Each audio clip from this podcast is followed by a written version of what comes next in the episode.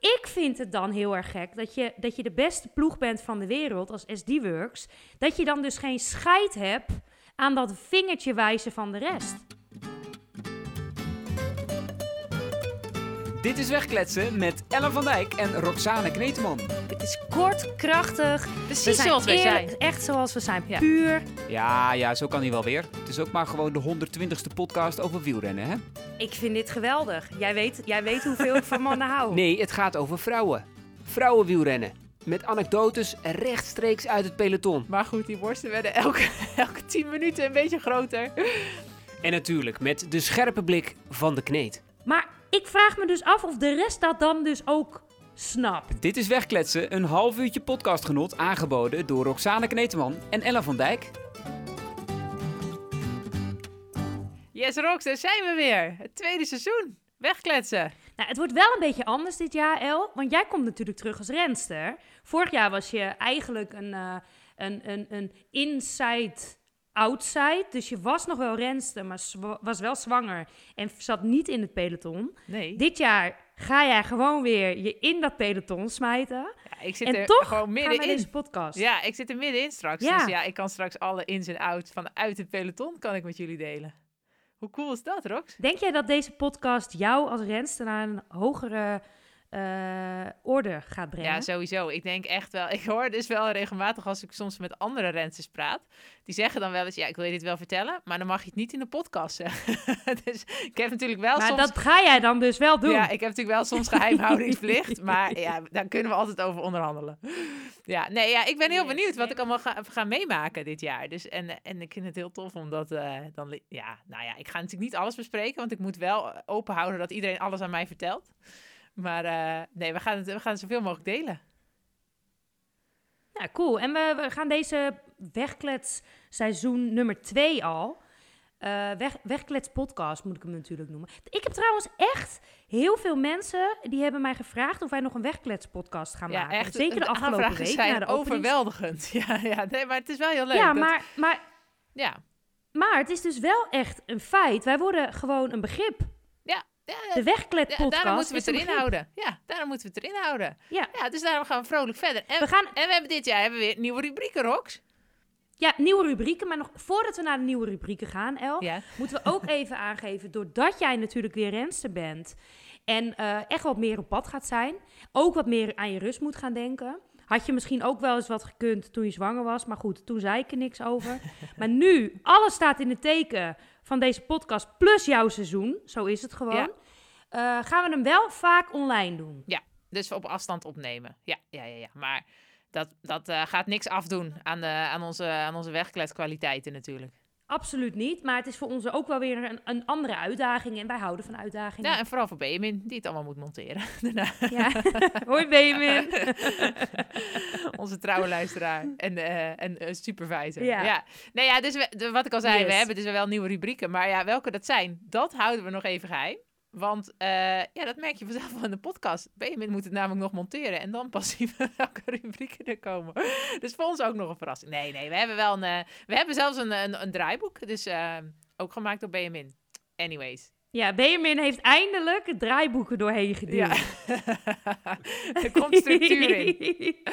Dus we beginnen, we beginnen, Rox. We beginnen met het moment Yes. van het weekend. Marianne Vos met de aanzet. En die is feller en explosiever dan Kopecky. Maar dit stukje loopt lichtjes bergop. Het viaduct op. Maar ze weten te halen. Marianne Vos wint bij haar debuut. Op 36-jarige leeftijd de omloop het nieuwsblad. Het moment van het weekend. Ja, stil. Ja, wat was het moment van het weekend?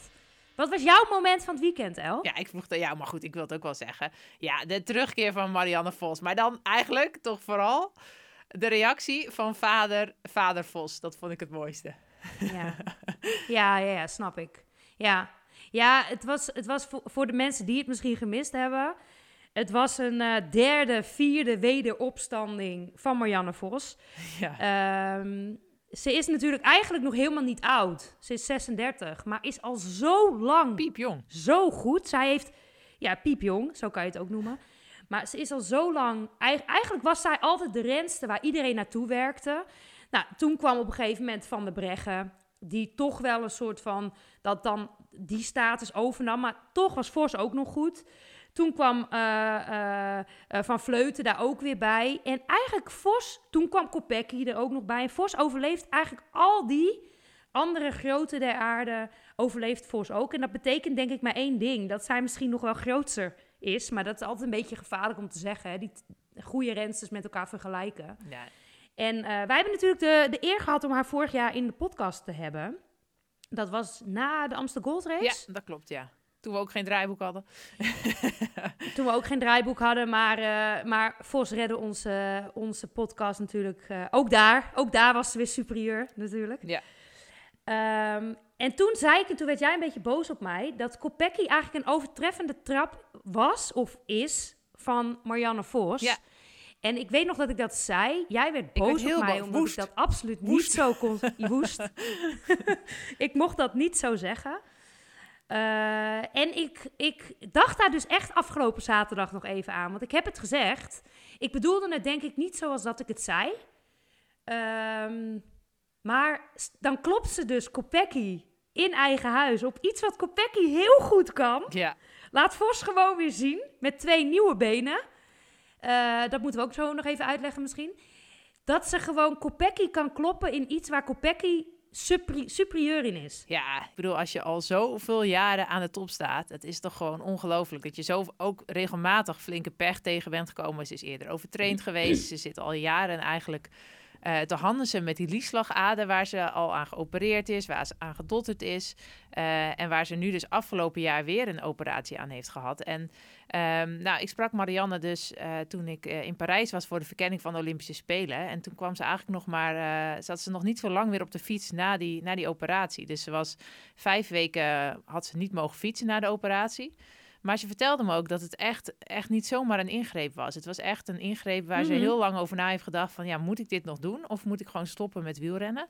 De artsen zeiden van het is echt riskant en eh, ja, het is, Ja. eh, we willen dit eigenlijk niet zomaar doen. Eh, maar goed, samen met, met Monique, dus ook haar vriendin, heeft ze toen ja, daar echt heel goed over nagedacht. En heeft ze besloten om het wel te gaan doen. En ja, dat, wa dat Ja. was echt... Kijk, Marianne is, is wielrennen. Hè? Ik, ik zou Marianne niet los kunnen Mhm. zien van het wielrennen. En zij heeft zoveel passie voor de sport. Voor, en, want ik had het er ook met haar over. Ik zei, ja, het, het gaat waarschijnlijk niet per se om wat je nog wel of niet zou willen winnen. Ze zei, nee, nee, daar gaat het niet om. Ik bedoel, eigenlijk, eh, ja, als je, het, eh, als je het goed bekijkt, heeft ze alles al gewonnen natuurlijk. Maar Ja, nu met het nieuwsblad erbij ja, nu wel. wel. Ja. nee, maar ja, eigenlijk heeft ze alles al gewonnen. Maar het, het gaat haar gewoon om elke dag doen wat ze het liefste doet. Weer fietsen. En ja. het is echt een, echt een eh, liefhebber puur zang. En ook nog eens zo'n competitiebeest. En als je dan ziet dat ze dit zo lang kan volhouden. Dat kan ook alleen maar als je er zoveel passie voor hebt, denk ik. En ja, dat dat dan weer zo uitbetaalt. Want ze wist echt niet of ze weer op de niveau terug zou komen. Ze Nee. had zoveel onzekerheid. En ze is gewoon stug doorgegaan. En nou, eerst dus vijf weken niet fietsen. Daarna heel lang weer opbouwen. Alles heel rustig aanpakken. Ze Ja, zei... en, beginnen, en, en, en het beginnen van, van het fietsen was dus 10 minuten hè, op een stadsfiets. Ja. Dus vijf weken niet. En dan dus, je begin is niet op een racefiets, maar is op een stadsfiets. En dat is dan 10 minuten. Ja, En dat, dat, dat is ook wel, denk ik, een dingetje. Want inderdaad, die laatste operatie was best wel heftig. Ik, ik, ik eh, eh, schrok er ook best wel van, zeg maar, wat er gedaan is. Want er wordt altijd een beetje laconiek over gedaan, over de, over de lieslagadervernauwing. Maar dit was wel echt een, eh, een, een, een lange operatie, een heftige operatie. En riskant. ja, wat ze Ehm, precies en- gedaan hebben, kan ik eigenlijk ja. niet met zekerheid zeggen. Dus dat, dat, daar waag ik me niet aan. Maar ik weet wel dat het echt heel Nee. riskant was. Ja. Ik weet dat Annemiek van Vleuten eenzelfde operatie heeft gehad, ook in het verleden. Bij haar is het toen ook goed Ja. uitgepakt, maar eh, dat is echt niet zomaar bij iedereen. En eh, ja, dat ze dat risico nam, dat zegt ook wel natuurlijk hoe graag ze het nog doet. En ja, dat ze dan zo Ja. gestaag weer terugwerkt, eh, zonder enig idee of het goed gaat komen. Want dat zei ze toen ook nog in, eh, dat was november. Ehm, ja, ik weet helemaal niet of het goed gaat komen. Ik heb nog geen idee. Ik heb nog niet in een verzuring getrapt. Dus eh, ja, ik, ik heb nog geen idee wat het resultaat is. Ehm, maar ik heb me gewoon heel goed gehouden aan wat de doktoren zeiden. En ik ben, en ik ben gewoon terug gaan werken. En dat heeft ze dus de hele winter gedaan. En in Valencia was haar eerste koers weer. Ja, en daar stond ze er Oeh, gewoon weer. Daar reed ze al goed. Dat was indrukwekkend. Daar reed ze al goed. Bergop met de allerbeste mee. In sprint met de beste Ja. mee. Echt weer de Marianne Ja. waarvan je denkt... Wow, dit is de beste Marianne. Ja. Ja, nou ja, en wat, wat kijk, naast dat ze natuurlijk eh, fysiek afgelopen zaterdag laat zien hoe goed ze weer is. Tactisch, man. Zo. Even serieus. Zo cooltjes ook. Ik zat te denken, uiteindelijk heeft ze bijna niet op kop gereden volgens mij. Nee, nee. En gewoon dat je, dat je... En dat is dus denk ik ook haar kracht. Want, want ja, niet om het een of ander... maar ze, ze stond natuurlijk niet met een heel goede ploeg aan de start. Eh, in principe rijdt ze als eenling. Ja, niet om voor die andere rensters af te doen... maar ze had gewoon een heel jong team met zich mee. Ja. Eh, nou ja, weet wat voor, wat voor eh, geweld er dan op je afkomt in het Omloop het Nieuwsblad. En, en ja, Marjan, die, die doet dan gewoon haar ding Ja, die, die weet, oké, ik, ik volg eh Kopecky, ik volg Vollering. Dat, dat zijn volgens mij de twee beste rensters van de wereld. Ik, ik kijk wel of, dat dan, of ik dat dan kan bijhouden. Maar dat zijn wel de twee rensters waar ik, eh, waar ik op let. En dit, wat ik dus nu zeg, valt mij dus op... dat heel veel rensters dat dus niet snappen of niet Oh, wacht, doen. Rox. Wacht even, Rox. We moeten even naar de volgende rubriek, geloof ik. Wat ik nou dus niet snap, hè...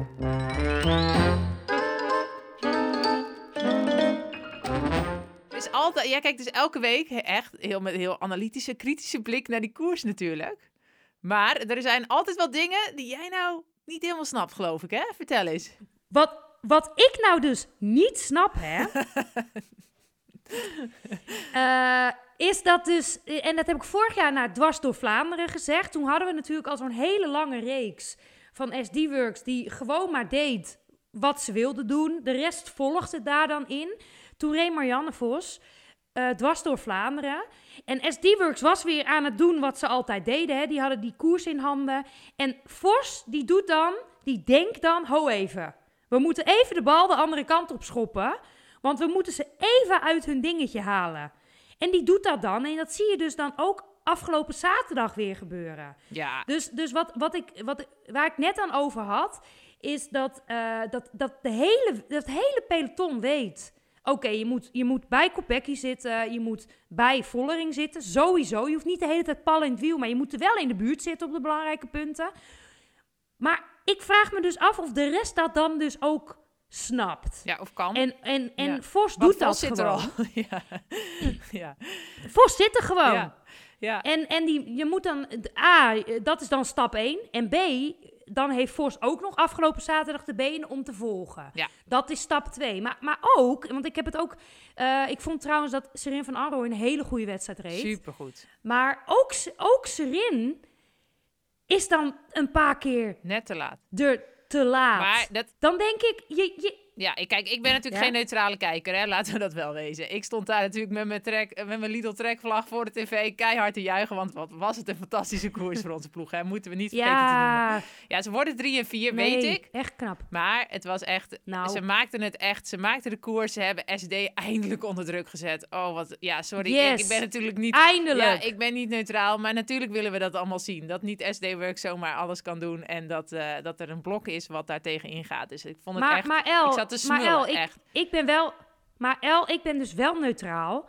Wat ik dus zo lekker vond aan Omloop het Nieuwsblad, is dat Longo Borghini, Lidl Trek, jouw ploeggenoot, gaat op de Haaghoek. Ja, En, en, en dat ik dan denk, de Haaghoek, ik kijk het even op, dat is nog 30, 35 kilometer. 36 kilometer te gaan. En dan denk ik, dit is wat je moet doen. Je moet je nummers uitspelen. Ja. En waarom, dit hebben we een heel jaar lang, vorig jaar niet Nee. gezien. Te lang wachten, te lang wachten. En dan gaat SD-Work doen wat ze heel goed kunnen doen. En eindelijk. Ze waren voor het eerst waren ze deed- geforceerd tot achtervolgen. Werden ze echt in de achtervolging Yes. gedrukt. Dat hebben we een heel jaar niet gezien. Ze hebben nooit hoeven achtervolgen volgens Nou, mij. Nee, nee. En, en dat was wel echt dat ik dacht, ik stond soort van te juichen achter, zonder dat je nog weet wat het resultaat ervan is. Ja. Maar ik dacht wel, oh, eindelijk Ja. gebeurt dit. Ja, precies. Wat een, En- wat een en opening hè, nogmaals, ja, ja, en nogmaals, ik, ik, eh, want, want we hebben het hier natuurlijk vaak over. We hebben het heel vaak over het, de dominantie van SD-Work. Kijk, dat interesseert me niks. Eh, wat zij doen is echt supergoed. En ik, ik vind de prestaties die zij laten zien echt super knap. Alleen ik vind het dan eh, afgelopen zaterdag zo cool dat, dat er wel een, een verandering in het peloton gaande is. Dat ze strijd willen gaan bieden. Ja, want afgelopen en jaar, kijk, dat maakt het wiel... Ja, dat maakt het interessant. Want afgelopen jaar, ik heb natuurlijk alles vanaf Ja. de bank gekeken. Dus ja, het is heel makkelijk oordelen. Dat besef ik me heel goed. Maar ik dacht alleen maar, waarom dat. gebeurt er nooit wat? Waarom doet er nooit iemand Ja. wat tegen? Ja, en nu zie je dat gebeuren. En dan zie je dus dat een Longo Bocchini heel vroeg gaat. Dat Demi Vollering daardoor al moet achtervolgen. Het, het gevolg ervan is dat ze in de finale niet mee kan. Ja, en dan wordt het een interessante Ja. finale. Ja, plus dat, dat, dat, dat je natuurlijk ook ziet dat eh, doordat Demi Vollering moet volgen of achtervolgen, dat het tempo omhoog eh, schiet. Ja. Eh, en dat je daardoor dus eigenlijk ook wel misschien Wiebes de nek omdraait. Ja, ook dat. Dus, ja. dus door, door dat vroeger te beginnen, zet je gewoon. Er was gewoon echt koers. En dat, dat is gewoon cool. Super En echt petje, af, petje af voor alle rensters want die daar aan meedoen. Eh, en, en, en, en, en echt laat het meer zo zijn. Ja. Ik heb er heel veel zin in. Ja, zeker. Want nou, nog heel even kort over de omloop het Hageland, de dag erna. Eh toen gebeurde toch weer een beetje Ja. wat we het hele jaar zagen. Dus er was een, eh een supersterke renster weg, Kristen Faulkner. Niet van SD Works, maar het gaat gewoon even om het, eh, om het, het ja, hetgeen wat er altijd gebeurt. Dan heb je dus een aantal ploegen die daar met sprinters heen zijn. Dus dat zijn dan ehm, DSM met Charlotte Kool. DSM. Dan heb je Lidl Trek met Balsamo. En je hebt SD Works met Wiebes. En vervolgens gaan al die ploegen naar elkaar zitten wijzen. Ja, maar zij reden niet echt. En zij reden niet echt. En zij reden niet echt. Waardoor Kristen Faulkner, die ook gewoon keihard trapte natuurlijk. Drie minuten voorsprong bij elkaar fietsen. Tot de laatste, weet ik veel, 15 kilometer of zo. Of, of 10 kilometer zelfs. Ja, en dan heb je wel Ja, weer dat, 10, dat zoiets. wijzen naar elkaar. Van ja, ik ga het niet doen. Ga jij het maar doen. Ga jij het maar doen. Dan vind ik het dus wel weer heel verrassend. Kijk, wij, wij, wij weten de benen van, eh, van Wiebes niet, hè? Eh, dat, dat ze eraf moesten de dag van tevoren, dat zegt natuurlijk iets. Maar goed, aan de andere kant, het was ook wel echt eh, wel, wel veel geweld. Dus, dus ik ga ervan uit dat ze gewoon goed in Hageland weer aan de start stond. Maar ik vind het dan heel erg gek dat je, dat je de beste ploeg bent van de wereld als SD-Works. Dat je dan dus geen scheid hebt aan dat vingertje wijzen van de rest. Dat vind ik dus echt raar. Dat, dat je dan niet gewoon denkt, we gaan op kop fietsen. We hebben Wiebes. eh, die loopt al twee maanden te vertellen dat ze goed is. Dat ze, eh, dat ze goed is en dat ze heel erg goed is. Ja, dan gaan we dat ook vandaag laten zien. Ja, ja dat, En- snap jij en- dus en gewoon niet, hè, ik-?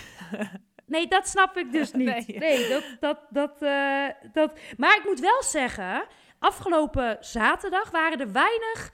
Ik snap het niet, momenten in de Nee, koers. het klopte weer. Want het klopte gewoon best wel vaak. Ja, het is echt Ehm. veelbelovend deze start van het seizoen. En het is gewoon lekker om even niet die dominantie van SD Works te zien. Nou ja, de, ja en, en daardoor dus strijd. Want ik, ik Ja. vind, de dominantie kunnen zij niks aan doen. Nee, ja, ze dat zijn is heel gewoon knap goed, van ze doen hen. iets blijkbaar heel goed. En eh, ik vind het gewoon fijn dat je ziet dat er wel van, van andere teams in ieder geval eh, geprobeerd wordt, of nou ja, in ieder geval gewoon anders gekoers wordt om die dominantie aan te gaan. Dat is het. Ja. Ja. Ja, heerlijk. We hebben er zin in de rest van het jaar. Ehm, ja, Tex Rocks. Ja, sorry, ja. Oh ja. Oeh, oké, ik begin. Oeh, we hebben nog een uitsmijter. Oh. Maar- Ellen vertelt verhaal. Oh, was dit? Op Oh, het ik moment moet, van moet de ik mama. Ellen vertelt? Ja, nee, ja, ja, ja. Moet ik mama vertelt ook schrijven? Oh, oké. Ja, sorry, ik lees het. Ja. Ik begin opnieuw. Moeilijk, hè, zo'n draaiboek. Oeh, we hebben nog een Ja, laat maar. Rox. Ik bedoelde eigenlijk iets anders met deze tekst. Afijn, beste luisteraars, ga er eens lekker voor zitten. Want dan vertelt mama Ellen jullie een verhaaltje uit het peloton.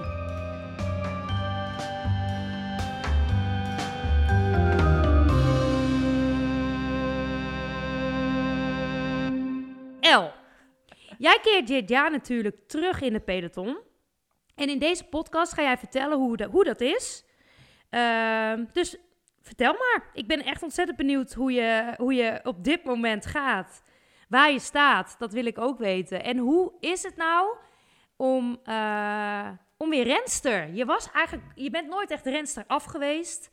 Maar eh, je gaat dit jaar wel weer je nummer oppinnen. Ja. En heb je vorig jaar, ja oké, lekker kerk, eigenlijk niet echt gedaan. Nee, nee, een jaar niet. En ja, ik heb er wel heel veel zin in. Maar ik vind het ook gewoon reuze spannend allemaal natuurlijk. Dan zit ik zo te kijken voor de tv en denk ik... oh ja, waar zou ik fietsen en hoe zou het gaan? En eh, ja, ik heb, er, ik heb er heel veel zin in. Maar El, dat had je vorig jaar dus niet. Nee, dan is je mindset heel anders. Dan weet je dat je dat een jaar niet gaat doen. En Oh nu ja. denk ik, ja, over twee weken Ja. zit ik er ook weer in. Dus, eh, dus, eh, en, en ik ben nu natuurlijk heel gefocust bezig met training en met alles eromheen.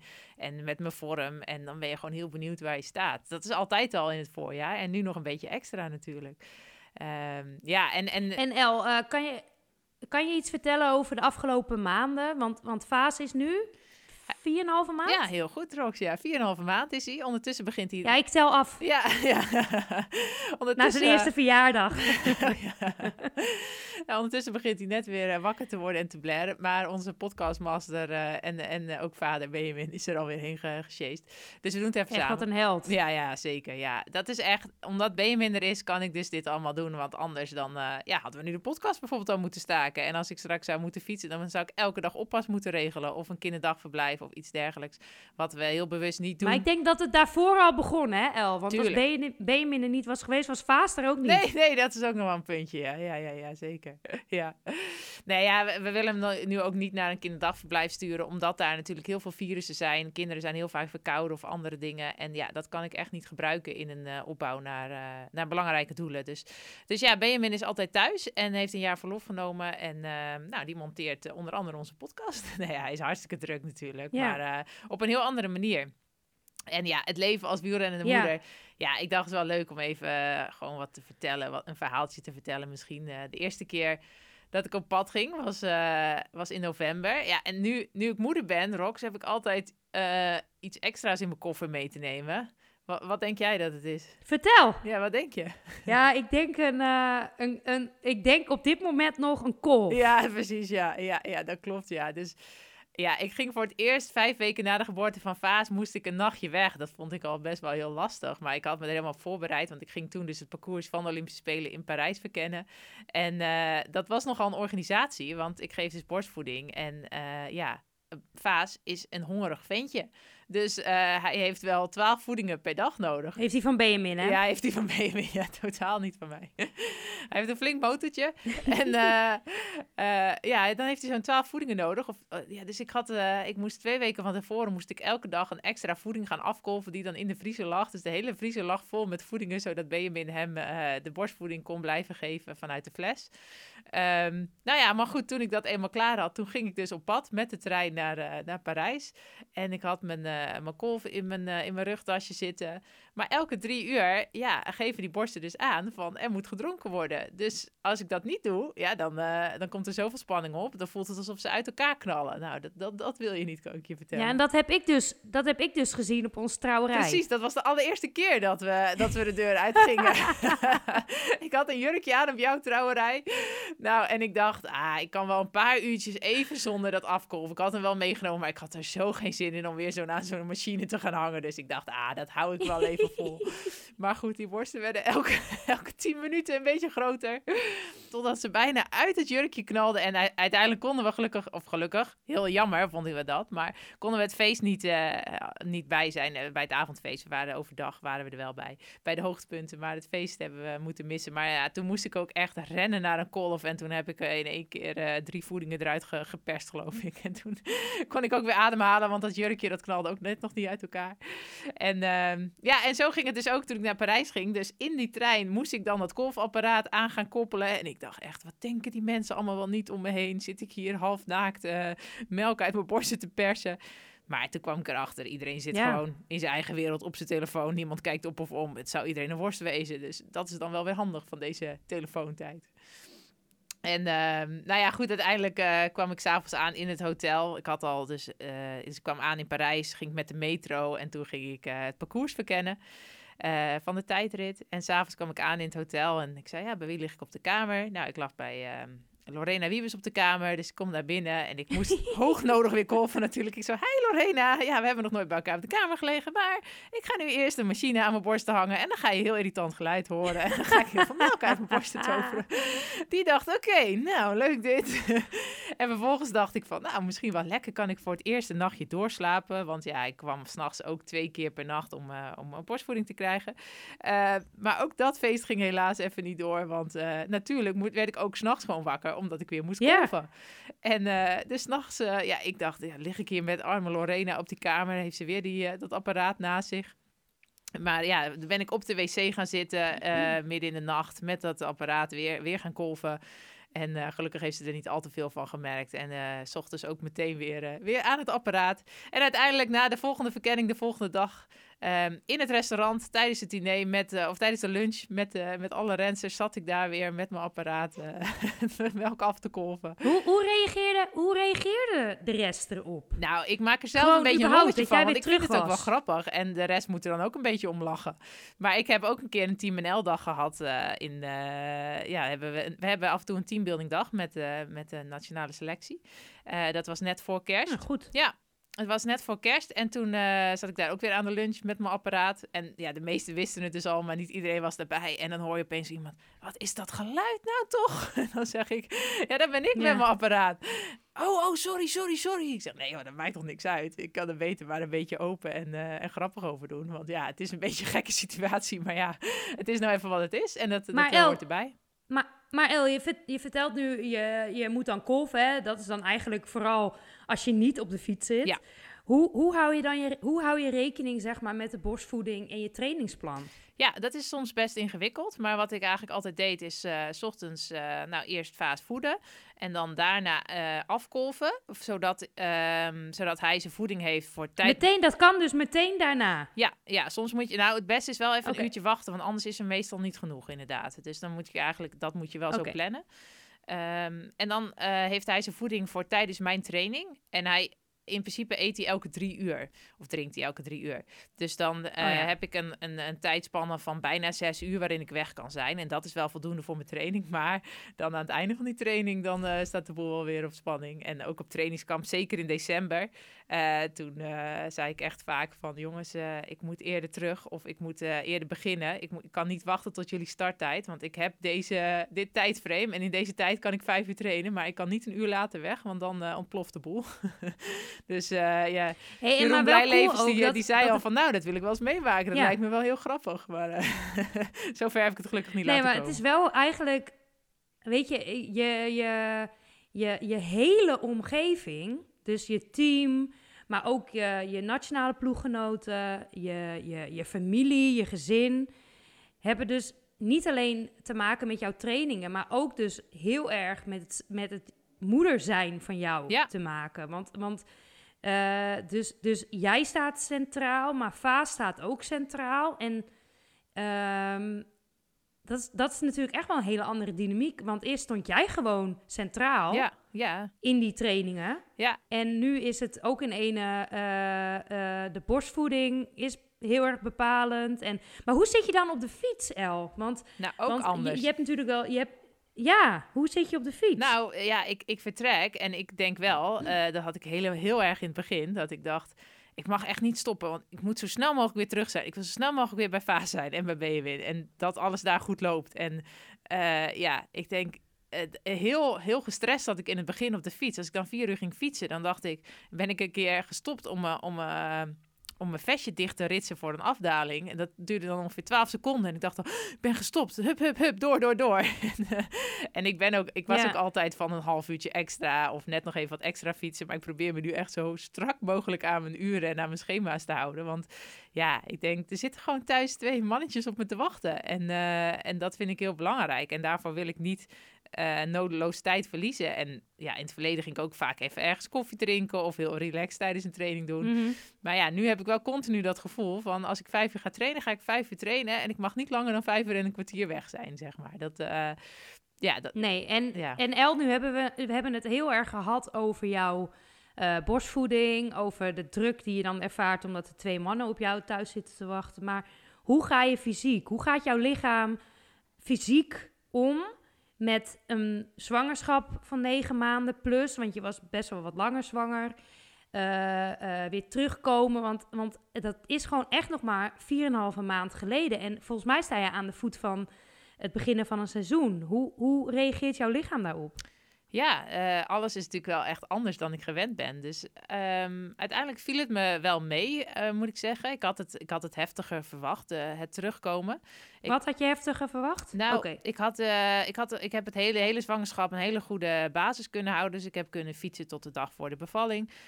Drie weken daarna kon ik weer verder. En eigenlijk ging het meteen mijn basisniveau, dus zeg maar tot mijn omslagpunt, was meteen alweer op niveau. Dus dat, daar stond ik echt van te kijken hoe snel dat ging. Eh, maar vervolgens ga je natuurlijk wel een volgende stap maken. En dan gaat het ook over naar hoe je naar boven je omslagpunt en op het omslagpunt trainen. Mhm. En zeker nu richting de eerste koersen. Ja, en dan dat, dat merk ik wel weer. Dat is heel lang geleden dat ik dat gedaan heb. En dat duurt best wel even voordat dat helemaal eh, terugkomt. Maar goed, samen met mijn trainer hebben we daar gewoon echt, werken we daar stap voor stap naartoe. En eigenlijk lukt alles gewoon wat hij mij opgeeft. Maar hij houdt er natuurlijk wel rekening mee dat, dat ik een andere, andere opbouw heb. Ehm, en, en we gaan echt stap voor stap richting het hoogte, richting het toppunt werken. Dus dat betekent dat ik nu, ik ga nu wel over anderhalve week koersen. Maar ik ben nog niet zo goed als dat ik eh, in andere voorjaren ben geweest. Dus ik heb denk ik een heel goed, heel goed niveau. Ehm, maar ik heb nog niet het, de, de, de piek of wat dan ook waar ik, eh, waar ik andere voorjaren wel eh, naartoe trainde. Dus dat is wel echt een duidelijk verschil. En ik heb ook gewoon weken gemaakt van, van flink, met flinke uren. Dus echt wel eh, tot 30 uur per week op de Mhm. fiets gezeten. Ja, en dan is het soms echt lastig als je dan s'nachts continu nog wakker wordt. En eh, ja, hij, eh, Vaas krijgt momenteel ook tandjes waar hij heel veel last van heeft. En dan merk je gewoon dat je herstel, is, is, dat leidt daar wel onder. En zeker als je zo op je top van Ja. je trainingen zit. Ja, dan is dat echt wel. eh, dan heb ik soms merk ik wel net even iets meer herstel nodig dan ik, eh, dan ik gewend was. Maar ik moet toch zeggen dat het uiteindelijk had ik verwacht dat ik dat veel meer zou hebben dan, dan hoe het uiteindelijk is nu. En, en ja, en daarnaast geef ik dus nog die borstvoeding. Die ben ik nu wel aan het afbouwen. Maar dat is ook wel echt iets wat, je, wat de vorm van je lichaam nog echt bepaalt. Dus er zitten nog andere hormonen in mijn lichaam. Ehm, ja. Ja. ik merk gewoon dat ik nog niet zo strak ben als ik normaal was. Ehm, ja, ik, ik, ik let natuurlijk altijd al heel goed op mijn voeding, et cetera. Maar ja, het is nog niet zo dat je na 4,5 maand meteen weer eh, ja, op je wedstrijdgewicht zit. Merk ik tenminste. Ehm dat zal ook voor iedereen anders zijn. Maar dat, dat zijn allemaal dingen die natuurlijk wel meespelen. ik, moet, ik moet hier heel erg om lachen, want eh, de, de afgelopen maanden zijn er veel van mijn vriendinnen bevallen. Jij, jij was de eerste daarvan. ja. Eh, en, en, maar al die vriendinnen, dat zijn een soort superwomans. Die, die gaan dan door die zwangerschap heen. Je hoort ze niet. Ze blijven sporten. Daarna, het, het, het, het is er eigenlijk nog maar net uit. En, en er wordt alweer flink gewandeld. En alles erop en eraan eigenlijk, bij alle drie. En dan zeg jij nu, ja, daar moet ik dus heel erg om lachen. Ja, ik ben nog niet zo in shape als dat ik voorgaande jaren was. Terwijl je bent natuurlijk ook gewoon Ja. nog maar 4,5 maanden geleden bevallen. En ik denk dat elke vrouw eh, dan nu zou zeggen, negen maanden op, negen maanden Ja. af. Maar dat geldt natuurlijk nu niet voor jou. Nee. En, en jij, jij bent zo anders dan de standaard. En we hebben het daar ook al een keertje off the record over gehad. Dat, we, dat ik me dan ook best wel een beetje zorgen maak om... hé, hey, wat is dan dat gemiddelde? Ja. Want eh, hoe, hoe, hoe niet... Ja, dit klinkt... Hoe fit is dan het gemiddelde of niet fit in ons geval... eh, in, vanuit ons perspectief... eh, schatten ze de gemiddelde vrouw die zwanger is dan in? Ja, en, en dat is natuurlijk iets waar ik Ehm. zelf eigenlijk helemaal niet naar kijk. Want ik weet dat ik niet een gemiddeld iets doe. Dat ik, eh, Nee. dat ik ergens, ja, dat ik iets doe wat natuurlijk ehm, best eh, uniek is. En, en wat ook logisch is dat niet de andere vrouwen dat ook kunnen doen. Want dat is gewoon een heel uniek bestaan sowieso Nee. al. En daarom kijk ik ook niet naar richtlijnen. En kijk ik, leg ik alleen de lat eh, bij mezelf. Of ik, ik vergelijk alleen met mezelf. En ik vergelijk mezelf met voorgaande jaren. En dan ja, dan zie ik nu eigenlijk dat, ik, dat het niveau eh, vergelijkbaar lijkt. Maar ja, ik ben heel benieuwd hoe dat dan in de wedstrijden tot, tot nog toe eh, ja, tot uiting gaat komen. Want ik denk dat die intensiteit, dat gaat nog iets meer tijd nodig hebben. Maar ja, ik lig ten opzichte van mijn eigen schema lig ik goed. En ten opzichte van de gemiddelde zwangere vrouw, dat, ja, dat weet ik niet. Daar kijk ik eigenlijk niet naar. Ja, nee, maar dat is ook helemaal niet voor, voor jou van toepassing. Want ja, jij bent, jij bent ook gewoon... Ik vind het sowieso altijd een beetje lastig hoor. Dat je, dat je richtlijnen hebt. Iedereen is in. Dat, dat, dat is overal. Dat is ook bij opgroeiende kinderen. Precies, iedereen is een individu en iedereen heeft, maakt zijn eigen lijn. Ja, Ehm, maar goed, dat, eh, dat terzijde. ja. Super interessant, El. ja zeker. ik ben Rox. Heel is het erg weer, benieuwd. Wat is het weer heerlijk om met je weg te kletsen.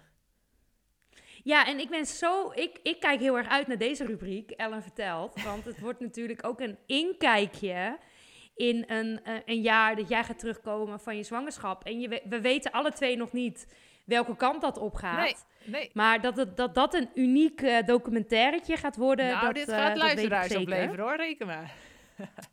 Ja, ja daar hebben we, daarom hebben we deze er natuurlijk ook ingebracht. Want Precies, de rest is alles voor de commercie. flirt. Nee.